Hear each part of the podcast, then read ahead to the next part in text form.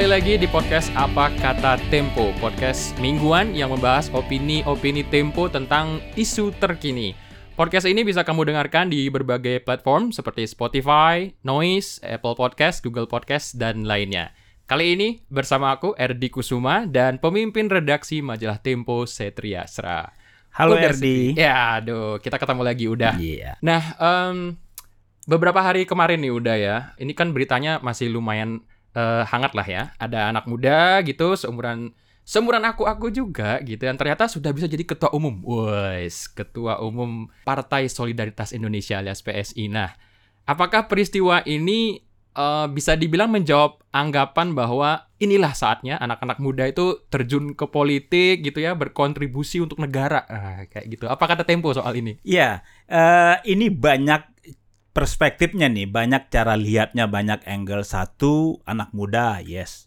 Hmm. Yang kedua, cara pandang lain adalah bagaimana begitu instannya seorang anak muda dan anak muda itu bukan sembarang anak muda, tapi anak presiden Indonesia. Jadi dapat kartu anggota berapa hari kemudian tiba-tiba jadi ketua umum. Jangan-jangan ini rekor dalam sejarah perpolitikan Indonesia orang yang baru tiga hari menjadi anggota partai politik kemudian menjadi ketua umum partai politik. Hmm, kayaknya iya juga ya. Apa kita usulkan aja dulu nih ke Muri nih? Kayaknya harusnya ini masuk rekor dong udah ya. Masuk rekor. Layak rekor ya. Oke, tapi menurut Tempo ya, apakah masuknya Kaisang ke PSI gitu? Ada peran Pak Jokowi kah di situ? Ya, kalau kita lihat sikap politik dari Partai Solidaritas Indonesia itu sejak sejak lama ya, sejak lama eh, ketika mereka baru berdiri itu sudah betul mereka itu eh, pro Jokowi. Nah, kita dalam perjalanannya eh, ya pengurus-pengurusnya adalah orang-orang yang yang selama ini anak-anak muda yang dekat dengan Presiden eh, Joko Widodo. Hmm. Eh, terlihat dalam eh, satu tahun terakhir, eh, mungkin dalam enam bulan terakhir lah, dalam kontestasi Pilpres 2024 calon presiden. Kita lihat bagaimana PSI yang dulu pada 2019 mem- menghujat dan memaki-maki yang namanya Prabowo Subianto. Masih ada videonya kok itu. Sekarang tiba-tiba mereka hahi-hahian dengan dengan calon presiden ketua umum Partai Gerindra. Iya. Dan dan ada dampaknya sejumlah petinggi atau pendiri partai itu eh, PSI itu mundur kan ya Guntur Romli dan lain-lain. Hmm. Nah, dan ini kita baca adalah oh kenapa mereka ke sana kiblat meskipun secara resmi belum ya kiblatnya karena Jokowinya arah-arahnya ke sana juga gitu. Oke deh karena Pak Jokowi ke sana meskipun kami dulu pernah berjanji kami tidak akan memilih orang yang punya uh, masa lalu kejahatan hak asasi manusia tapi ya nanti bisa gampang berdalih politik kan dinamis. Lain dulu lain sekarang. Nah, Hmm.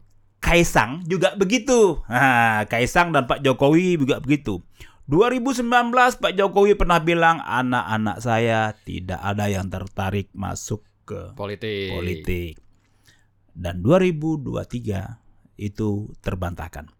Pertanyaannya apa argumentasinya? Ya, ini kan mereka sudah menjadi eh, apa? Sudah pria dewasa, sudah berumah tangga, mereka punya pilihan hidup sendiri. Ah, Hmm. gitu. Jadi standar lah. Selalu ada jawaban untuk semua eh, dilema, untuk semua janji yang tidak ditepati. Oke, tapi udah belum jawab nih. Ada nggak ini perannya Pak Jokowi di situ bahwa Kaisang adalah anak presiden itu tentu akan menjadi nilai plus banget uh, untuk PSI gitu kan? Iya. Tapi ada nggak nih kira-kira lobby-lobby Iya. di baliknya nah? Lobby-lobbynya sudah pasti yang kita dapat dan itu muncul di tulisan ya bahwa Oh, oke. petinggi partai PSI itu menghadap Pak Jokowi minta izin pasti. Hmm. Apakah Pak Jokowi itu meminta itu belum terkonfirmasi ya, tapi yang pasti petinggi PSI itu meminta berkali berapa kali bertemu dengan Pak Jokowi dan mereka membahas itu. Tapi ada ada yang lebih realistis ya kalau Hmm. kita basisnya analisa. Kenapa PSI perlu Kaisang? Karena mereka butuh lolos di 2024. Ada parliamentary threshold, mereka harus dapat Oke. jumlah suara masuk ke DPR. Ah, dan cara efektif untuk eh, dapat sokongan eh, sokongan dapat dipilih oleh eh, penduduk Indonesia adalah menarik anak presiden karena otomatis presidennya juga akan support partainya gitu. Support, jadi oke. jadi ya inilah ini tidak ada yang gratis pasti semuanya simbiosis mutualisme.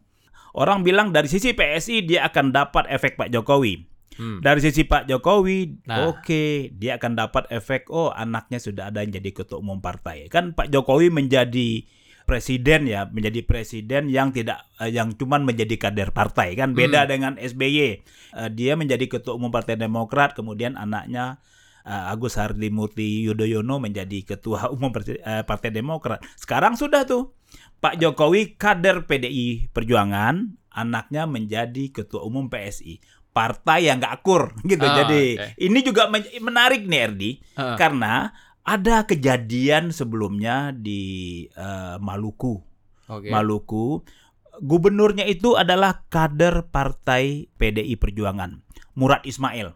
Hmm. Istrinya maju menjadi caleg Partai Amanat Nasional, besoknya langsung dipecat. Nah, kita tunggu nih, apakah respon yang sama berlaku juga terhadap keluarga Jokowi? Ah, ini masih tanda tanya nih, seperti Hmm. apa? Oke. Tapi kalau kita eh, ingat juga bahwa eh, Pak Jokowi jelas-jelas sudah mengakui bahwa beliau merestui keputusan Kaisang untuk masuk PSI kan begitu ya.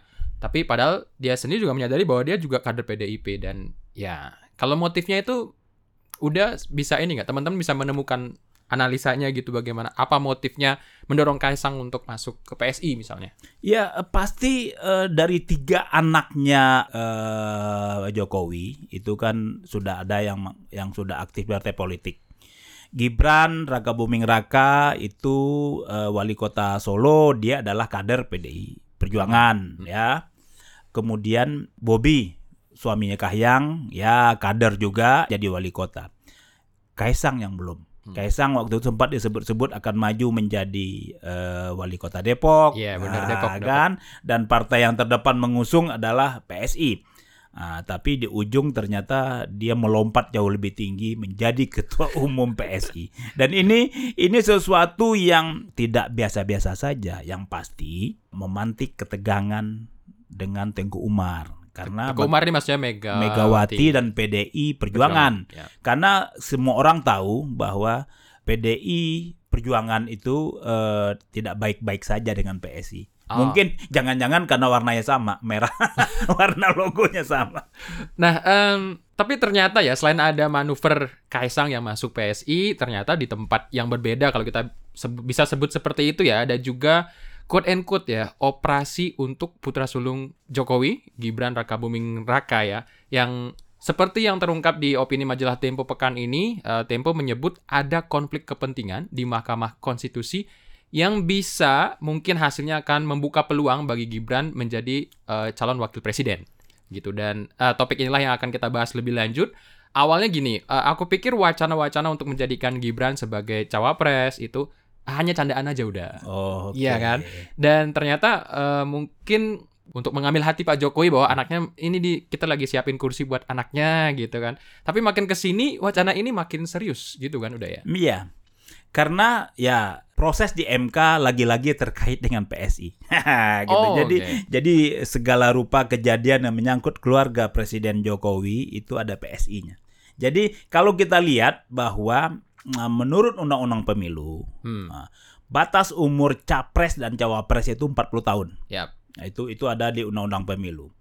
Dalam perjalanannya ketika disebut-sebut Prabowo eh, Subianto yang sudah dideklarasikan oleh sejumlah partai Gerindra, PAN, Golkar dan apa ya PBB gitu ya akan maju menjadi calon presiden di pemilu 2004 itu masih mencari wakil presiden. Muncullah gugatan eh, uji materi sebetulnya itu dari pengurus eh, PSI ke Mahkamah Konstitusi, kemudian berikutnya menyusul dari Partai Garuda dan yang ketiga dari kepala daerah wali kota Bukit Tinggi ya. Hmm. Itu yang juga kader eh, Gerindra yang menyoal kenapa harus 40. Oke. Ayo dong turunkan menjadi 35. Itu gugatannya tuh uji materinya. Nah, Dan spesifik nyebut angka 35. 35. 35 muncul untuk siapa 35 itu? Hmm. Gibran Raka Buming Raka karena Waktu diajukan itu Gibran 35 tahun umurnya, ja- per 1 Oktober dia baru ulang tahun, dia menjadi 36. Jadi artinya Oh, oke. dari sisi usia dia cukup. Nah, meskipun tidak sebut secara spesifik. Prosesnya berjalan di MK, berjalan di MK, kemudian eh, berdasarkan temuan teman-teman redaksi di majalah Tempo, itu kan eh, proses di MK itu kan ketika masuk uji materi, eh, kemudian disatukan, dilakukan pemeriksaan. Pemeriksaan itu sidang. Panggil saksi ahli, panggil yang penga- eh, yang mengajukan permohonan, panggillah pihak KPU sebagai wakil pemerintah yang harus mempertanggungjawabkan kenapa 40 tahun selesai undang-undang. Hmm. Dari hasil pemeriksaan itu sudah selesai, Hmm. kemudian lakukanlah rapat permusyawaratan hakim RPH Oke. uh, untuk kemudian menjadi putusannya. Uh, Informasi teman-teman di redaksi uh, itu muncul di laporan utama pekan ini. Hasilnya adalah 62 atau 63. Ini apa Eh, nih? Karena eh, hakim eh, konstitusi itu ada 9 orang ya, tiga Oh, dari oke. wakil pemerintah, tiga wakil dari DPR, tiga wakil dari Mahkamah Agung. Hmm. 62 atau 63, jadi 62 itu 6 menolak, Oh. dua menerima. Ah, satu itu dispute apakah 62 63, satunya adalah ketua MK yang eh, posisinya dianggap me- meskipun dia belum menyampaikan pendapat karena infonya ketika pelaksanaan itu dia keluar keluar dari proses RPH sidang kemudian logikanya ketika tiga hari kemudian itu berdasarkan aturan yang berlaku ya Hmm. itu harus diumumkan menjadi putusan Oh. oke. menjadi putusan, tetapi tidak kunjung menjadi putusan karena ada permintaan dari Anwar Usman, ketua MK, ketua Mahkamah Konstitusi, yang notabene adalah iparnya Jokowi. Hmm. Iparnya Jokowi eh, karena dia menikah dengan adiknya Pak Jokowi, Idawati namanya ya. eh, untuk memasukkan lagi satu uji materi lagi dari dua orang anak muda mahasiswa di Surakarta Oke. yang juga mengajukan permohonan penurunan usia calon Calon. wakil presiden. Nah, yang itu Almas dan Arkan. Jadi dua adik kakak ini eh, mereka adalah putra putri pengacara eh, Boyamin Saiman, orang semua orang terkenal itu. Oh. Kalau Arkan itu menuntut dari 40 diturunkan menjadi 21. Sementara Almas meminta agar 40 plus frasa pernah menjadi kepala daerah, pernah menjadi Oh. memimpin di level provinsi, kabupaten dan kota. Yang lebih menarik di dalam uji materi mereka itu hampir 80% menyebut sosok Gibran Raka Buming Raka gitu. Jadi Oh. ini ini kepala daerah yang berhasil, pencapaian pertumbuhan ekonomi bla bla bla eh, disukai masyarakat dan lain-lain. Oh, Hmm. jadi itulah yang terjadi. Kita ma- masih coba tunggu apa yang terjadi di Mahkamah Konstitusi karena belakangan itu dicabut dicabut lagi karena tidak sesuai aturan karena ketika mereka mengajukan awalnya tidak ada tanda tangan dari para pemohon kemudian disusulkan tanda tangannya waktunya sudah sudah lewat Hmm. Nah, menurut sang ayah yang ditemui oleh eh, awak-awak redaksi majalah Tempo akan diajukan lagi eh, uji materi baru yang sesuai dengan apa berkasnya taat aturan gitu loh. Oh. Nah, kita masih menunggu nih apakah itu dikabulkan. Kalau itu dikabulkan, otomatis Gibran bisa maju. Bisa maju karena ada frasa tadi. Pernah menjadi kepala daerah level provinsi, kabupaten dan kota. Oke, jadi peluangnya ada di situ. Tapi eh, sejauh apa sebenarnya gini? Tadi kan udah bilang bahwa hakim itu sebenarnya ada 9 Ya. di situ ya nantinya. Tapi sejauh mana sebenarnya hakim jatuhnya dia adik ipar Pak Jokowi dong ini ya. Itu tuh bisa eh, mengintervensi proses di, di MK sendiri. Udah seperti apa emang? Ya, eh, inilah sebetulnya ini bukan hanya terkait ini loh, bukan hanya terkait dengan sekarang ini. Seharusnya ketika dia menikah dulu itu Hmm. sudah ramai disebut-sebut bahwa keberadaan Anwar Usman itu sangat rentan dengan konflik kepentingan. Hmm. Karena dia di Mahkamah Konstitusi adalah lembaga hukum tertinggi di bidang ketatanegaraan. Kemudian dia akan eh, iparnya menjadi kepala negara gitu. Jadi dua-dua ini potensi konflik kepentingan terjadi. Tapi waktu itu karena belum ada kasus spesifik, orang nggak orang nggak nggak nggak melihat. Itu, itu sempat ada kan uji materi soal perpanjangan masa jabatan presiden meskipun Hmm. akhirnya ditolak. Tetapi dalam konteks sekarang itu sangat kentara sekali. Jadi sangat kental potensi benturan kepentingannya. Karena dia mengadili satu ada dua hal sebetulnya RD karena Hmm.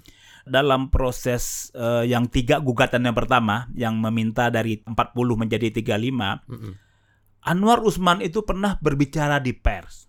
Oke. Sinyalnya jelas di dunia ini sejak zaman Nabi Muhammad itu banyak lahir pemimpin muda gitu. Oh, ada statement kayak gitu. Statement itu padahal di dalam kode etik Mahkamah Konstitusi, hakim konstitusi dilarang berkomentar secara terbuka untuk kasus yang akan diperiksa, sedang diperiksa atau belum diputus gitu loh ya. Ini ya, Oh. ah, tapi tidak ada pro tidak tidak ada tidak ada tindakan ya. Kemudian sekarang ini juga seharusnya sesuai undang-undang bahwa eh, sesuai aturan kode etik ya Mahkamah Konstitusi dia juga tidak boleh ikut seharusnya karena Oh, itu ada jelas. ada? Oh, ada, ada kok di dalam atu- kode etiknya itu sudah jelas kok itu bahwa sebuah perkara uji materi yang mengandung potensi benturan kepentingan, hakim konstitusi harus ti- tidak terlibat. Tapi bisa dibayangkan dia kan ketua nih, Hmm. dialah yang memimpin sidang, dia memimpin putusan segala macam. Terbukti kok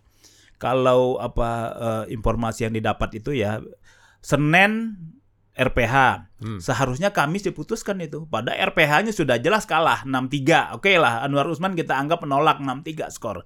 Seharusnya hari Kamisnya itu diumumkan bahwa putusan Mahkamah Konstitusi atas uji materi yang mempersoalkan atau yang meminta penurunan ambang batas usia cawapres dan capres juga Mm-mm. itu ditolak. gitu. Iya, Tapi sampai hari ini tidak. Belum. Ya, sampai kita dan dan ini menimbulkan spekulasi. Orang-orang was-was nih. Kubunya Ganjar was-was, kubunya Anies was-was. Karena yang terjadi adalah oke. Kalau yang terjadi itu dikabulkan, otomatis Gibran. Oke, kita asumsi Gibran deh. Prabowo Gibran. Artinya nanti ketika Prabowo Gibran menjadi pasangan calon presiden yang terjadi adalah Ganjar versus Jokowi Hmm. karena anaknya di sana atau Anies versus Jokowi gitu loh. Jadi jadi mendistorsi proses pesta demokrasi yang seharusnya eh, fair gitu loh, adil.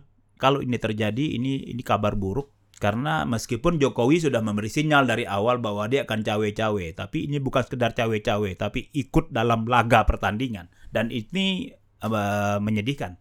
Hmm, oke. Tapi mempertimbangkan kode etik tadi, idealnya memang ketua hakim konstitusi ini seharusnya mundur aja gitu ya waktu pengambilan keputusan itu udah. Iya, Di kalau per- itu. kalau kalau seharusnya dia mundur ketika dia menikah dengan adiknya presiden, Oh. itu itu permintaan sebetulnya. Oh, Publik sudah menyuarakan itu. Jadi karena kalau tidak akan mengganggu semua proses di Mahkamah Konstitusi kan. Tapi memang dalam konteks ini dia tidak boleh hadir, mendengar atau memberi pendapat gitu loh. Jadi eh, ada seorang hakim konstitusi yang diwawancarai oleh oleh eh, teman-teman redaksi itu menyebut bahwa dalam urusan uji materi ambang batas usia calon presiden dan calon wakil presiden Anwar Usman itu tidak boleh hadir, tidak boleh mendengarkan apalagi membuat keputusan. Iya. Karena apa? Karena dia ada di pusaran dia mengadili keluarganya sendiri gitu loh. Padahal hubungan famili itu dilarang dalam kode etik Mahkamah Konstitusi. Sulit melihat bahwa itu eh, bisa objektif gitu ya, jernih dalam mengambil keputusan gitu ya. Udah Iya. lebih. Oke. Eh, tapi udah anggaplah nanti ya, misalnya batas usia pencapresan itu jadi diturunkan. Nah, bukankah ini jadi sinyal yang bagus untuk anak-anak muda yang mungkin ingin running jadi orang nomor satu nih di Indonesia gitu toh toh kan sekarang sudah banyak menteri-menteri muda di kabinet jadi eh, yang diuntungkan ke depan seharusnya kan bukan hanya Gibran nih Iya, betul. mungkin orang se- seperti aku masih mungkin sedaftar Iya, itu sepakat RD. Jadi meskipun pertanyaannya kenapa 40 ju- itu juga juga eh, debatable. Oh, kenapa 40? Tetapi itu sangat mungkin tidak dalam konteks sekarang. Ini pendaftaran capres ini tinggal berapa hari lagi loh. Iya benar Berapa hari lagi capres cawapres partai politik itu harus mengumpulkan suara kemudian dan orang menduga ini untuk siapa?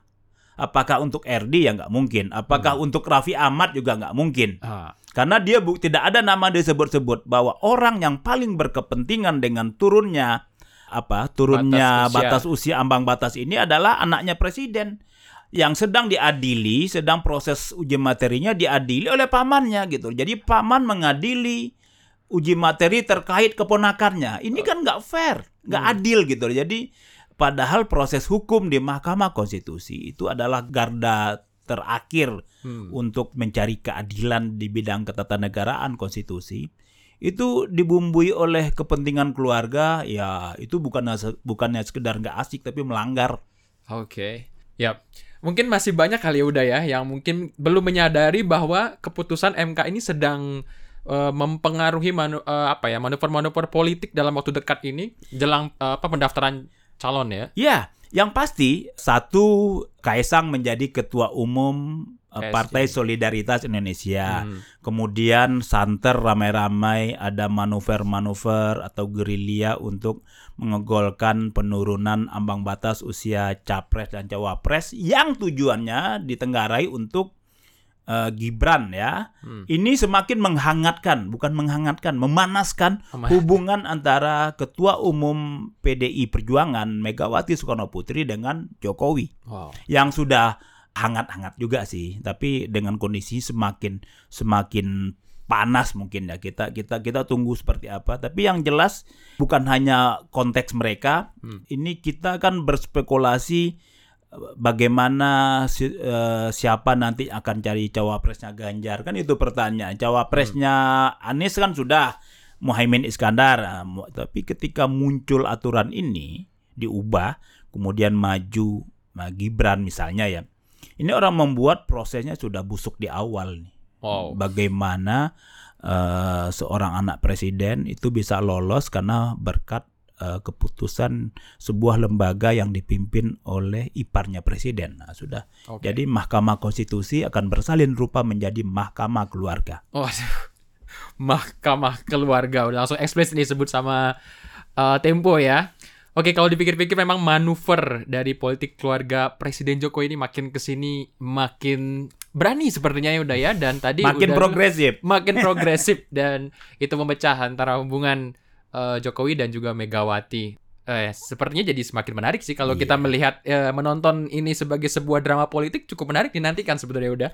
Drama politik yes menarik tapi eh, membuat kecemasan was-was kita bahwa kualitas demokrasi kita semakin turun. Aduh. karena karena uh, diganggu atau dirusak oleh hasrat-hasrat jangka pendek orang yang sedang berkuasa ini nggak nggak nggak asik jadi Hmm.